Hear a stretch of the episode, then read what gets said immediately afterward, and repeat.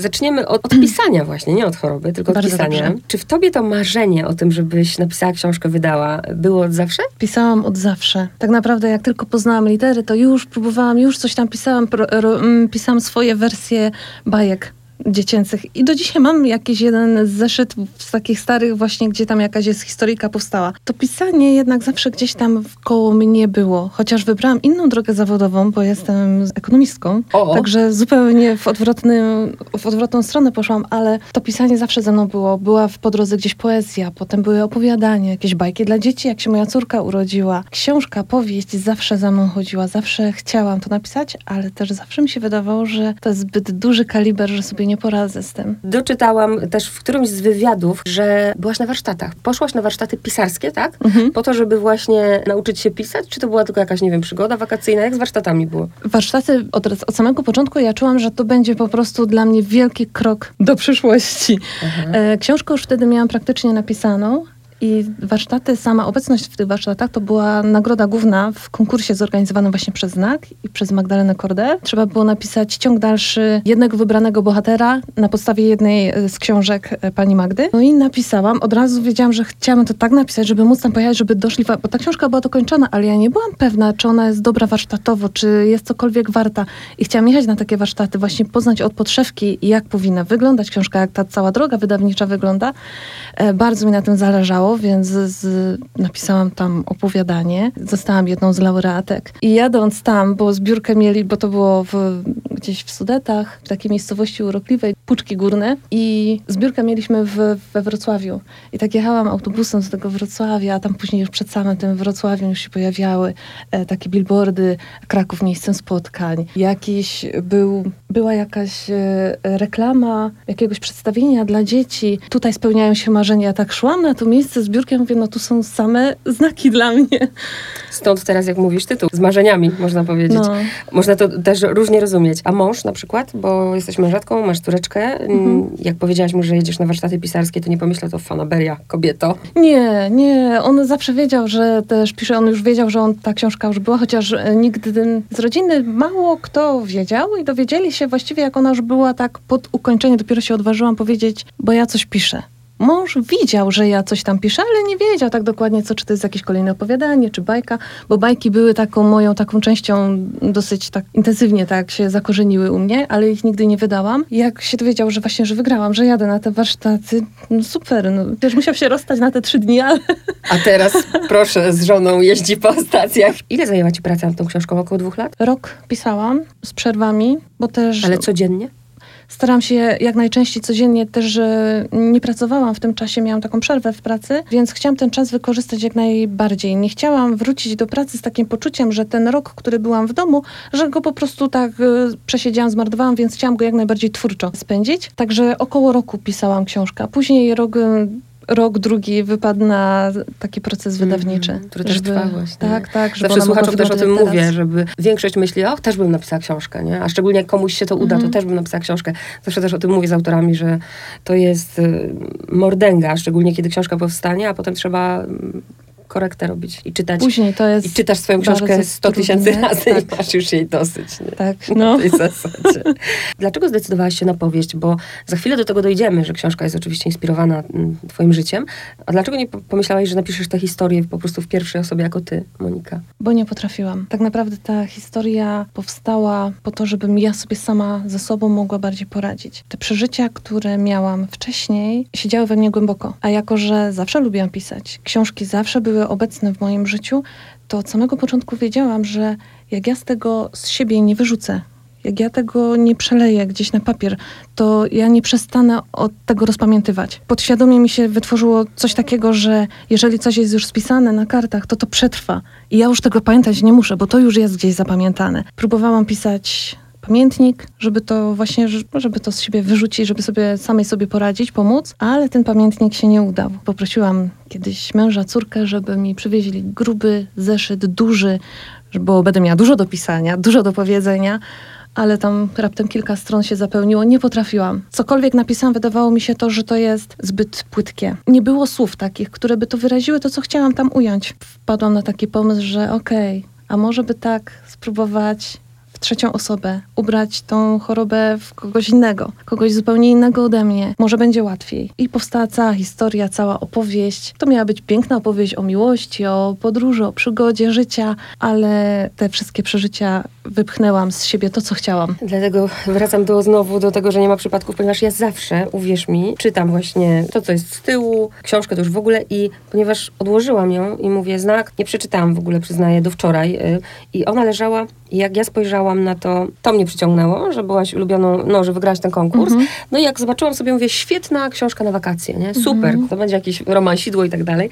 Bo jakież było moje właśnie wczoraj zaskoczenie. Co myślisz o okładce? Ty akceptowałaś ją? Okładka od samego początku nam się bardzo spodobała, bo od razu, chociaż może, wiem, że może wprowadzać w błąd czytelnika, że to jest coś lekkiego. Natomiast mi się ona bardzo spodobała, bo ja widzę w tej dziewczynie zadumę, że ona Radość. Mhm. Mhm. Że ona coś ma za sobą i właśnie bardzo mi się to podoba, że ktoś sięgnie po tą książkę, bo myśli, że to będzie bardzo lekkie, o czym szybko zapomni, a zostanie Ja tak troszeczkę myślałam przemiażdżony. Dzięki tej okładce właśnie myślę, że ten kontrast tej treści Mhm. jest mocniejszy. No i teraz y, nadchodzi moment, żeby porozmawiać o tych najtrudniejszych rzeczach, ale najpierw twoimi ustami, o czym to jest książka. Na razie trzymamy się fabuły. Bo w kryminałach, słuchaj, w kryminałach to jest inaczej. W kryminałach rzeczywiście my nie możemy mówić, o czym to jest książka, Mhm. żeby nie zepsuć tego. Tu w tej książce ja nie mam takiego poczucia, że chodzi o to, żeby nie zdradzić, co jest dalej. Bo tu zupełnie o coś innego chodzi. O refleksję nad tym wszystkim, co się wydarzyło. Główną bohaterką jest Natalia, młoda dziewczyna, która bardzo chce poznawać świat, chce wyjechać gdzieś, przeżyć jakąś przygodę życia. Na co dzień pracuje w biurze podróży i oferuje swoim klientom wycieczki, natomiast sama nigdy tego od drugiej strony nie wiedziała i bardzo by chciała poznać, więc decyduje się na taką wycieczkę. Ten wyjazd miał być z jej narzeczonym. Miały być wspólne spacery po plaży, mieli razem podziwiać zachody słońca na turkusowym morzu. Natomiast tuż przed e, wylotem chłopak z nią zrywa, odchodzi do innej. Tutaj się zaczyna jakiś pierwszy dramat tej dziewczyny, bo nie wie, czy polecieć sama, samej na wakacje, troszkę dziwnie. Ostatecznie decyduje się przeżyć tą przygodę samodzielnie i być może w jakiś sposób zapomnieć o, tej nieudanej miłości. Wylatuje na Korfu, na piękną grecką wyspę. Tam poznaje młodego człowieka. Powoli między nimi nawiązuje się przyjaźń, wybucha romans, który oboje sobie zdają sprawę, że to jest tylko na chwilę, tylko na okres wakacji, no bo przecież związki na odległość raczej nie mają racji bytu. No i Natalia wraca do Polski. W Polsce życie ją miażdży. Dowiaduje się, że jest bardzo chora, nie wiadomo jaka będzie jej przyszłość i chociaż ciągnie ją do Michała, którego poznała na Korfu, A dalej już nie zdradzajmy. zachęcam do przeczytania. Ale bardziej dla ciebie, gdybyś, nie wiem, Mhm. gdyby ktoś cię zapytał, o czym to jest książka, to bardziej byś powiedziała o miłości czy o chorobie? Trudne pytanie. Sama sobie je zadaję, dlatego to wie. Bo wiesz, Mhm. pozornie to jest dla Mhm. ciebie komplement teraz to, co powiem, bo pozornie ta książka wydaje się no, no prosta, nie? W Mhm. swojej historii z happy endem uwielbiamy te książki z happy endem, ale wcale tak nie jest. Duża część tej książki to jest właśnie proces choroby. Generalnie cała fabuła, głównym celem jest miłość. Myślę, że ważniejsze jest właśnie to drugie dno, właśnie to, co się później dzieje, ta choroba. Chciałam też, opisując to wszystko, chciałam też pokazać, jak to jest. I jak wiele mają, będąc zdrowymi, chodząc do pracy, spiesząc się, narzekając na jakieś drobne głupstwa, narzekając na, nie wiem, na pogodę, na, na takie zwykłe, codzienne, co każdy z nas gdzieś tam narzeka na coś. Chciałam im pokazać, jak naprawdę wiele mają i jak powinni to umieć docenić, uszanować. Wiesz, przypominam sobie siebie, mając lat 14, 13, 12, jak rodzice zawsze na święta składali mi życzenia. Dziadkowie, rodzice, jeszcze ciotki. I jak mi życzyli na przykład, żebyś była zdrowa, dziecko, bo jak byłeś zdrowa, to będziesz mi wszystko miała. Ja nigdy tego nie rozumiałam. Ja się nawet wręcz zaparzałam i co oni mi tu zdrowia życzą. Ja mam takie, to bym chciała, to bym chciała, to bym chciała. Dokładnie. Ja dopiero zrozumiałam to wiadomo kiedy. Mhm. I rozumiem twój cel, ale właśnie też się zastanawiam, na ile ktoś, kto no, nigdy nie doświadczył choroby, jest w stanie to zrozumieć. Też jestem tego ciekawa. Książka wyszła do druku, to właśnie zastanawiałam się, czy, bo dostawałam sygnały, że ci, którzy przeczytali, że dość mocno ją przeżyli. Ale to były początkowo, to były osoby z mojego otoczenia, więc myślałam, że może dlatego, że mnie znają, że wie, znają to drugie dno. I byłam ciekawa, jak to odbiorą ci, którzy nigdy z żadną taką poważną chorobą nie mieli do czynienia i tak naprawdę nie wiedzą, o czym ja tam piszę. Czy oni to będą umieli odczuć, czy oni będą umieli się jakoś utożsamić z tą główną bohaterką. Teraz dostaję sygnały, że, że tak jest, że niektórym ta książka otwiera oczy. I to jest dla mnie ogromny komplement, że otwiera oczy, uwrażliwia. I też jest to, i teraz myślę, że już o tym możemy właśnie powiedzieć, bo jest inspirowana Twoim życiem, a to bardzo dużo też daje, wiedząc, że nie jest to tylko fikcja, że patrzą na autorkę, która y, wyszła z ciężkiej choroby. I teraz powiedzmy, Natalia, główna bohaterka, jest chora na białaczkę Promielocytową. promielocytową. I słyszy, że w ogóle to powinna być szczęśliwa, bo to jest najlepszy rodzaj białaczki. Białaczka promielocytowa to jest e, podtyp ostrej białaczki szpikowej. W Polsce jest bardzo rzadko spotykana. E, Częściej podobno jest spotykana gdzieś w, w Azji. U nas jest bardzo rzadko, to jest raptem bodajże 5% zachorowań na wszystkie typy białaczek. To jest właśnie ta białaczka. Lekarze faktycznie powtarzają, że to jest ogromne szczęście. Jeszcze 15-20 lat temu to był najgorszy podtyp. Na nią nie było bata. Nie, nie było żadnego ratunku. Nic nie pomagało. Ale postęp medyczny przez te kilkanaście lat tak się rozwinął, że w tej chwili jest je, najlepiej leczona z białaczek w ogóle.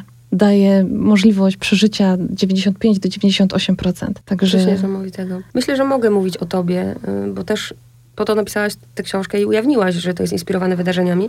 Więc odejdę od Natalii, a po prostu przejdę do Moniki. Bo ten środek cały dałaś swój, prawda, na, na podstawie swoich przeżyć. Oczywiście, ty masz męża, córeczkę. Natalia jest młodą, 27-letnią dziewczyną, która dopiero gdzieś tam planowała życie rodzinne. Ale czy te początki choroby, y, ona zauważa mnóstwo siniaków na swoim ciele. Myślisz, że jest zmęczona, przepracowana. Czy te początki choroby u ciebie też tak wyglądały? Jak zauważałaś te siniaki, co sobie wtedy myślałaś? To był maj 2016 roku. Teraz sobie myślę, że te objawy już miałam nawet jeszcze troszeczkę wcześniej, tylko ich nie zauważałam, bo pojechaliśmy rodzinnie na wycieczkę na Górę Żar. Wchodziliśmy i mąż z córką sobie śmiało wchodzą szlakiem, a mnie brakowało tchu.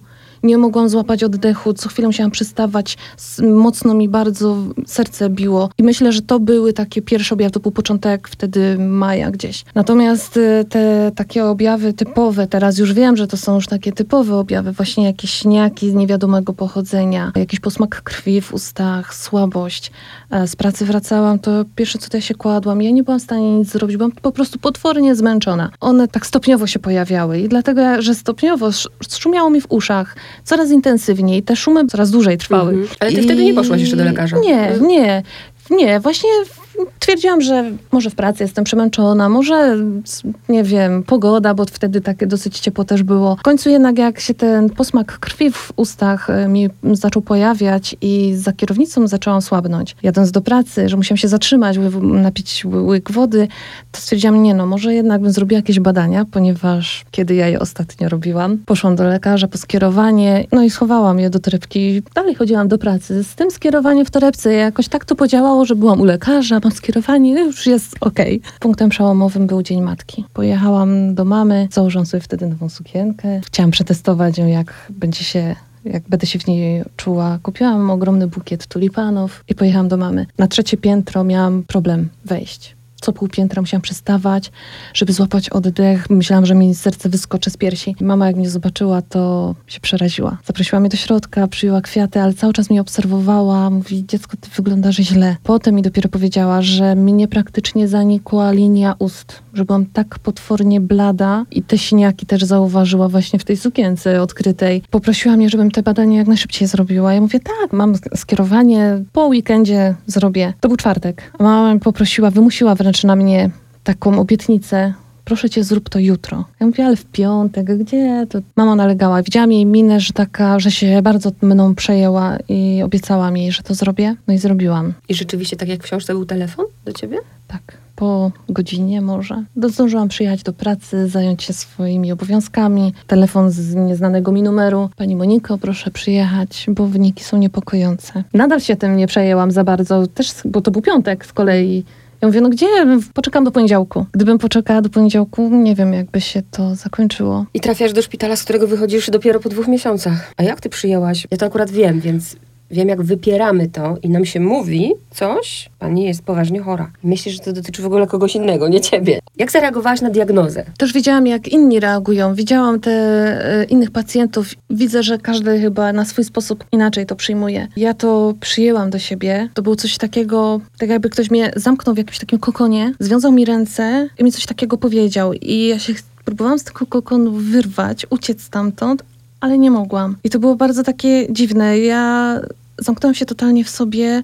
Nie byłam w stanie z nikim rozmawiać, z lekarzami, z paniami, które były ze mną na sali, które już miały jakieś przeżycia ze sobą. One mnie pocieszały, że nie jest tak źle, że to nie musi być wyrok. Ale na mnie to właśnie tak podziałało, tak jak mówię, tak jakby mnie ktoś zamknął w czymś szczelnym i związał mi ręce. Przez bardzo długi czas, teraz już jest troszeczkę inaczej, minęło trzy lata i już się tak oswoiłam się chyba. Ale przez bardzo długi czas, jeżeli ktoś mnie o to pytał, o chorobę, opowiadałam. Potrafiłam coś powiedzieć, ale ja opowiadam tak, jakbym opowiadała film.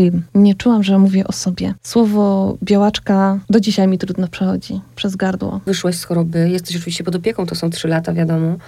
Żyjesz w lęku, w panicznym lęku, że to wróci, czy, czy właśnie oswoiłaś się z tym? Oswoiłam się z tym, ale za każdym razem, jak idę zrobić kontrolnie badanie krwi, zawsze idę z lękiem. Zawsze takim przyspieszonym biciem serca sprawdzam wyniki, jak jest, czy nie ma jakichś bardzo dużych wahań. To chyba zostanie na mnie, u mnie na zawsze. Chyba już nigdy nie będę sobie tak jakoś spokojnie i lekko podchodzić do życia. Teraz każda, każda rzecz, co mnie spotyka, jakieś drobne przyjemności, czy też nieprzyjemności, uważam, że to są no, jakimś tam darem od Boga. Staram się cieszyć każdą chwilą, która jest mi dana, bo mam świadomość, że ona mogła nie nastąpić. I nie wiadomo, ile jeszcze takich będzie. Właśnie piękny taki morał, można powiedzieć, z tej twojej książki, kiedy na końcu zastanawia się Michał, bo zaraz do Michała jeszcze przejdziemy, i on mówi, że właśnie nie mamy świadomości, że mamy tysiące problemów, swoje sprawy, a jutro to wszystko się może skończyć. Ja to doskonale rozumiem, Mhm. jak tęsknisz za tym, żeby sobie samodzielnie umyć zęby.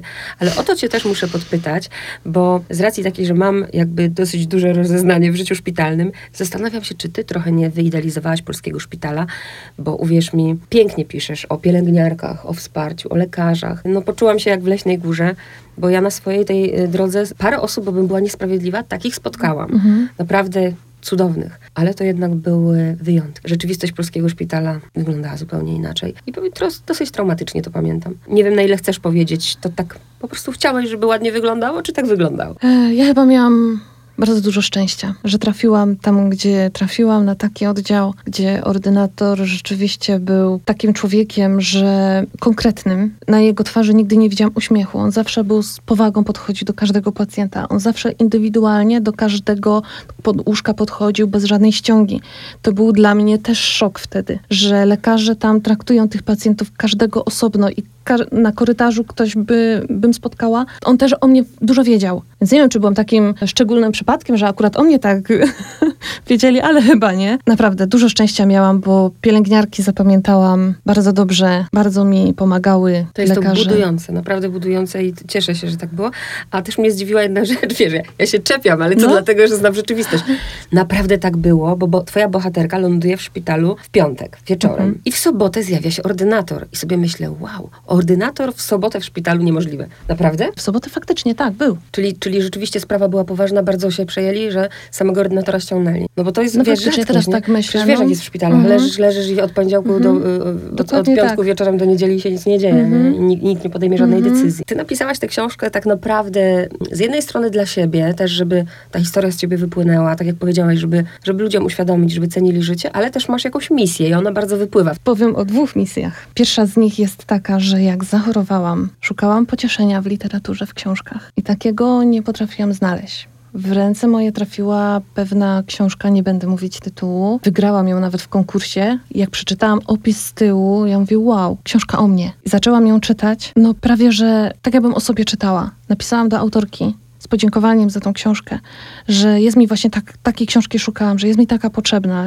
jestem po takich przejściach. I ta autorka mi napisała, żebym nie przywiązywała się zbytnio do głównej bohaterki, bo ta książka się nie kończy dobrze. I to był moment, że podziękowałam i zamknęłam tą książkę, nie czytałam dalej. Nie chciałam takiego, takich rozwiązań czytać. Szukałam po blogach różnych, jest ich mnóstwo w sieci. I też czytam, że o, podobnie jak u mnie, albo u, tutaj troszeczkę inaczej, jak ktoś pisał o swoich przeżyciach. A potem nagle ten blog urywa się, nie ma ciągu dalszego. I takie myśli dwojakie. A dlaczego? Dlatego, że ten ktoś wyzdrowiał i w ogóle już zapomniał, nie chce pamiętać o tej przeszłości, no albo już nie może dalej pisać. I to były takie bardzo dołujące takie momenty. I dlatego właśnie chciałam napisać tą książkę, że jeżeli ktoś będzie w takiej sytuacji, żeby ten mój przykład, żeby ta historia dała mu nadzieję. Od samego początku wiedziałam, że zakończenie musi być dobre, musi się to dobrze skończyć. Też w czasie leczenia bardzo mi pomogli krwiodawcy. Wcześniej sobie nie zdawałam do tego stopnia sprawy z tej idei, z tej potrzeby. Nigdy nie oddawałam krwi. Zarejestrowałam się w bazie potencjalnych dawców szpiku z myślą taką, że może kiedyś się komuś to przyda, może będę mogła pomóc, ale to nie było takie, że, że to była moja misja, że o, że czekam na swojego genetycznego bliźniaka, tylko po prostu chciałam to zrobić, bo dużo osób to robi i też chciałam. Natomiast później się przekonałam, jak to może być, że to jest tak naprawdę no, na wagę życia. Teraz się czuję dobrze.